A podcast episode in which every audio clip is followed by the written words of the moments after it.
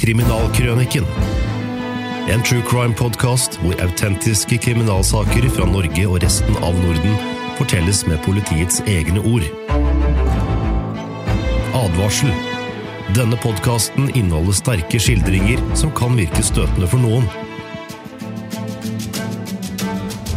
Sevlegutten, del tre. Denne episoden er bygget på en tekst av politibetjent Bernhard Sandtveit.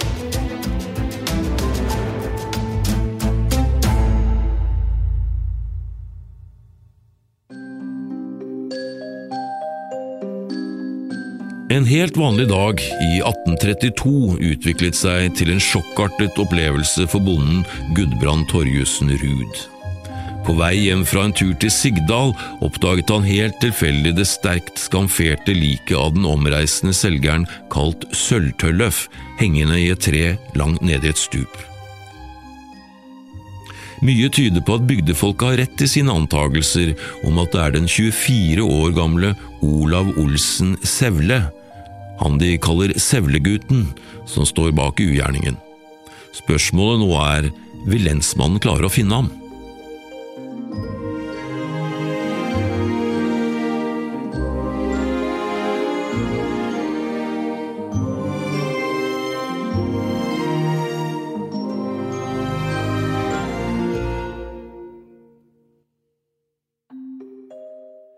Sevlegutten hadde etterlatt seg spor oppover bygdeveien i Eggedal.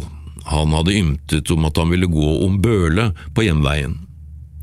Det går en slags vei over Bøle fra Eggedal, og så en sti videre over til Numedal, men de fire karene fant snart ut at han ikke hadde gått om Bøle. Han hadde fortsatt oppover Eggedal og hadde vært innom gården Rugland. Der hadde folkene sett at han hadde med seg en tung, fullstappet ryggsekk som han passet svært godt på. Videre hadde de sett at han hadde et stort sår på pekefingeren på høyre hånd. Etter dette ble det tre karer fra Rugland som fulgte sporet etter Sevlegutten videre. Fingar Rugland og to av naboene hans. Det var Rugland som var lederen. Det var ikke kommet noen nysnø, så det var ikke vanskelig å følge sporene.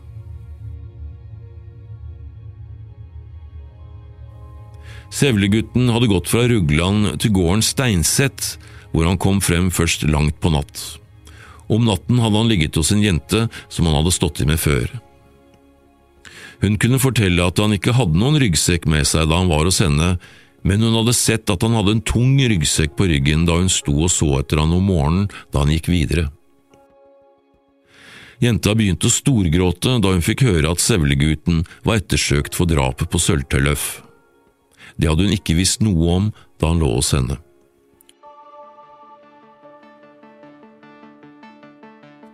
Sevlegutten hadde fortsatt oppover Eggedal til øverst i dalen, Medalen. Derfra kunne karene følge sporet hans videre gjennom skogen, over åser og daler, myrer og vann. Han hadde vært innom en seter som het Slokoseter, og der hadde han gjort opp varme og hvilt seg. Siden fortsatte han over Slokovannet til Slokodalssetra, som var hans egen seter. Rugland og karene hans fulgte sporene helt fram til Slokodalssetra. Sevlegutten må ha hatt et forferdelig slit på denne turen. Han måtte vasse lange veier i løs snø, så dyp at han sank nedi helt til skrittet enkelte steder. Han hadde nok fått bruke de veldige kreftene sine og utholdenheten som han var så kjent for.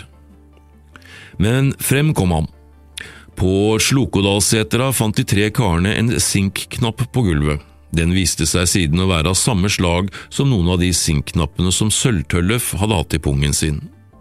Mer var ikke å finne inne i seterbua. Men fra ytterdøren gikk det spor etter Sevlegutten rundt gavlen, og på nedsiden av setebua stoppet de. Der var snøen hardtråkket. De begynte å lete der.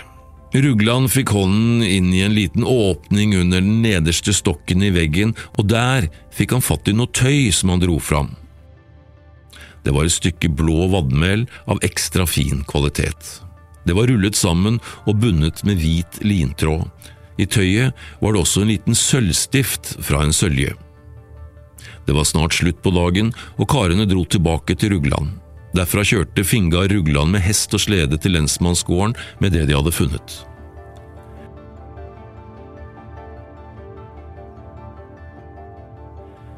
Lensmannen var ennå ikke kommet tilbake fra Nore, men neste kveld fikk han tid til å se nøye på disse sakene. Han slo fast at tingene hadde tilhørt Sølvtøllef. Lensmann Kopseng var helt sikker på at det var mer å finne på Slokodalsetra eller på en annen seter som Sevlegutten eide, Langsetra. Noen karer fra Eggedal ble sendt opp med beskjed om å bryte opp gulvet i Slokodalsetra om nødvendig, og så ransake Langsetra. Alt dette ble gjort, men uten at noe som helst ble funnet. På Langsetra var det tydelig at Sevlegutten ikke hadde vært, så der ble ikke gulvet brutt opp.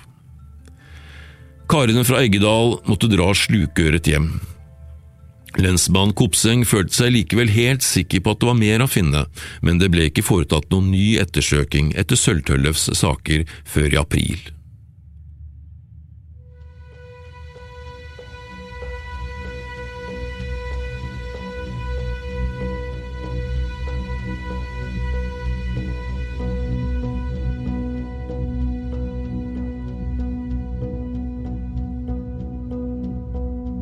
Den 6. april dro en flokk eggedøler til Slokkedalsetra igjen.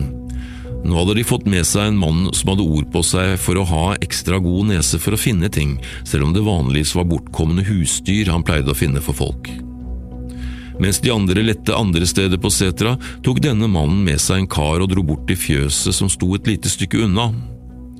Fjøset var laftet og sto i en skråbakke på såkalte hundstein, eller laftestein, slik at det var rom mellom fjøsgulvet og bakken. Der krabbet han inn ved å åle seg fremover på magen. Først fant han en hammer som lå på bakken, han kunne se baksiden av den steinmuren som fjøset hvilte på, på oppsiden. Da han hadde vendet øynene til det dårlige lyset, lå han og studerte denne muren. Han syntes tydelig det så ut som noen av steinene i muren hadde vært flyttet på nylig. Han ba den andre mannen om også å åle seg inn, og sammen begynte de å rive ned noe av muren. Der fant de to fullstappede ullstrømper som så ut som store pølser. De tok dem med seg opp i setebua og åpnet dem så vidt, og alle kunne se at det for det meste var sølvsaker i dem.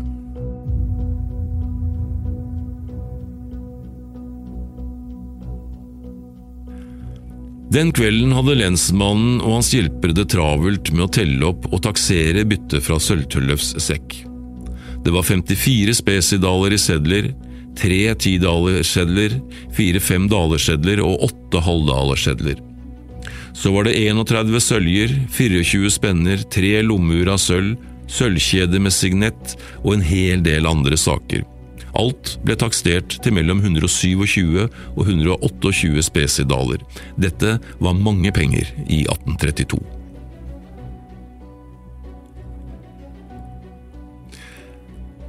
Lensmennene Teigen og Kopseng, som dro til Sevle for å arrestere Sevlegutten, fikk med seg noen karer og dro i vei.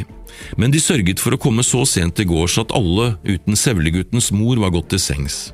Det var nærmere midnatt. Det var gamlemor som måtte ta imot lensmennene og være vitne til at sønnen hennes ble arrestert for rovmord. Sevlegutten var hjemme og lot seg ta uten motstand. Faren hans gadd ikke engang stå opp, men ble liggende i senga. Sevlegutten ble lagt i jern, og lensmennene tok ham med seg til Kopseng. De kjørte med hest og slede, og kom først frem sent neste dag.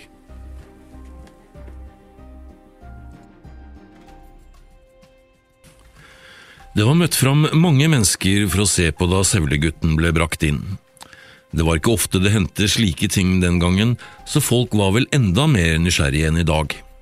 Da Sevlegutten skulle føres inn på lensmannsgården, gjorde han et kraftig byks fra tunet opp på trappen med alle fangejernene på. Se, her kommer bjellekua, ropte han til folkene som sto der. Det var vel den dere ville se på?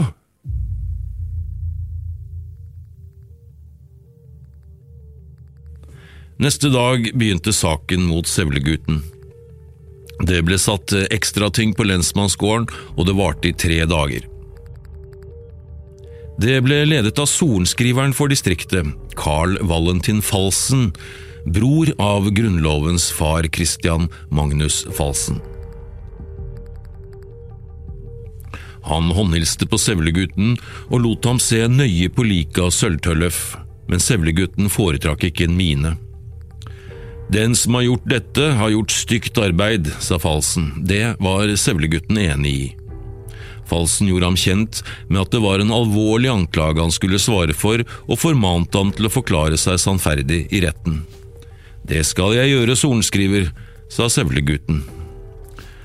Hvordan det ble med sannferdigheten, vil vise seg.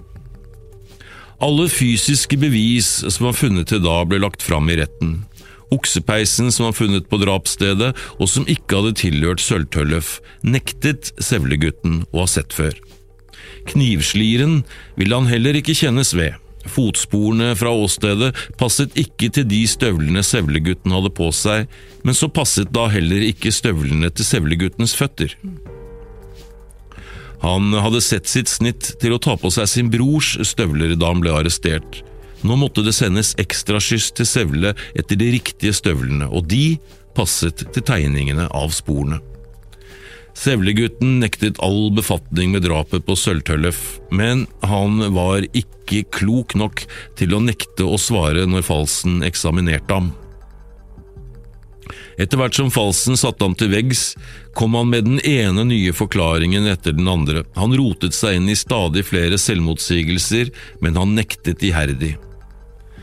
Det blå vadmelstykket som var blitt funnet på Slokodalssetra, var det mange som hadde sett i Sølvtøllefs sekk. Det var flere som hadde villet kjøpe det, men Tøllef hadde nektet å selge, for han ville ha det selv. Det var flere vitner som hadde sett Sevlegutten bar på en ryggsekk som var så full at den var sprekkeferdig. Den hadde sprukket også, forresten, og Sevleguttens bror hadde reparert den. Et par kvinner på Engar hadde vært så nysgjerrig at de hadde tittet i Sevleguttens veske før drapet. Da var det bare en tom eske, et par skøyter merkelig nok, og et par kjøttbein der. Og da Sevlegutten kom hjem til Sevle, var vesken hans like tom som på Engar. Det ble i alt avhørt omkring 80 vitner, og samlet ble det et fjell av bevis mot Sevlegutten men ryggsekken til Sølvtøllef var og ble borte. Den er aldri blitt funnet, og er fortsatt et uløst mysterium. Da ekstratinget på lensmannsgården var slutt etter tre dager, ble det gjort bevisopptak med rettslige vitneavhør i Nore i Numedal. Der kom det frem nye indisier mot Sevlegutten, det kom blant annet for en dag at Sevlegutten hadde stjålet oksepeisen som Sølvtøllef var blitt slått i hjel med, og som han nektet å kjenne noe til, fra søskenbarnet sitt, Olav Halvorsson Sevle. Sliren til tollekniven som han funnet på åstedet, hadde Sevleguttens bror Tore lånt av en gammel mann sammen med kniven. Tore hadde savnet både kniven og sliren like etter at Sevlegutten var reist til Drammen, men Sevlegutten tilsto fremdeles ingenting. Han nektet alt. Rettssaken mot Sevlegutten er så vidt i gang, men vil de klare å dømme ham for det brutale drapet på Sølvtøllef, og er det noe i de gamle ryktene som har begynt å svirre igjen, de om at Sevlegutten hadde myrdet før? Dette får vi kanskje svar på i neste episode. Du har hørt tredje del av Sevlegutten. Denne historien er bygget på en tekst av politibetjent Bernhard Sandtveit. Forteller Hans Olav Tyvold. Produsent Marianne Moe og Christian Gilsvik. Podkasten er produsert av Radio Metro.